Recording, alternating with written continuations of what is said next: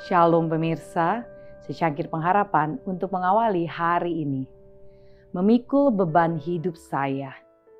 Apabila engkau memakan hasil jeripaya tanganmu, berbahagialah engkau dan baiklah keadaanmu.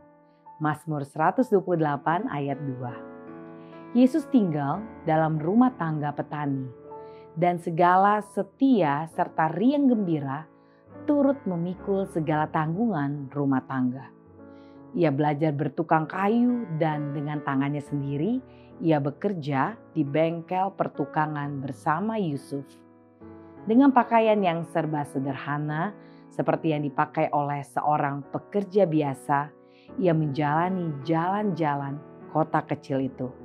Pergi dan pulang dari pekerjaannya yang sederhana itu. Ia tidak menggunakan kuasa ilahinya untuk mengurangi bebannya atau meringankan pekerjaannya. Sementara Yesus bekerja pada masa kanak-kanak dan masa muda, pikiran dan tubuhnya berkembang. Ia tidak menggunakan tenaga tubuhnya dengan serampangan, melainkan dengan seksama, sehingga tetap berada dalam keadaan sehat, supaya ia dapat melakukan pekerjaan yang sebaik-baiknya dalam segala hal. Ia tidak mau sembrono dalam menggunakan alat pertukangan, sekalipun ia sempurna sebagai seorang pekerja, sebagaimana ia sempurna dalam tabiat.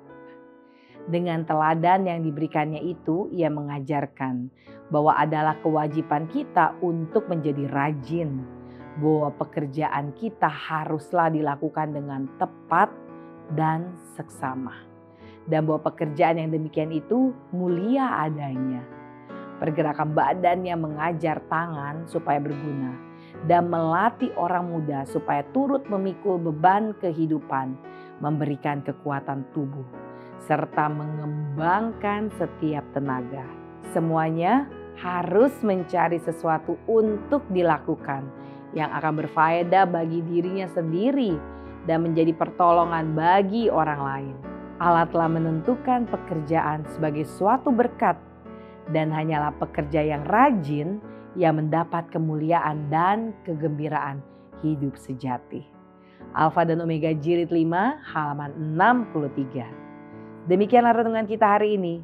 Selalu mulai harimu dengan secangkir pengharapan.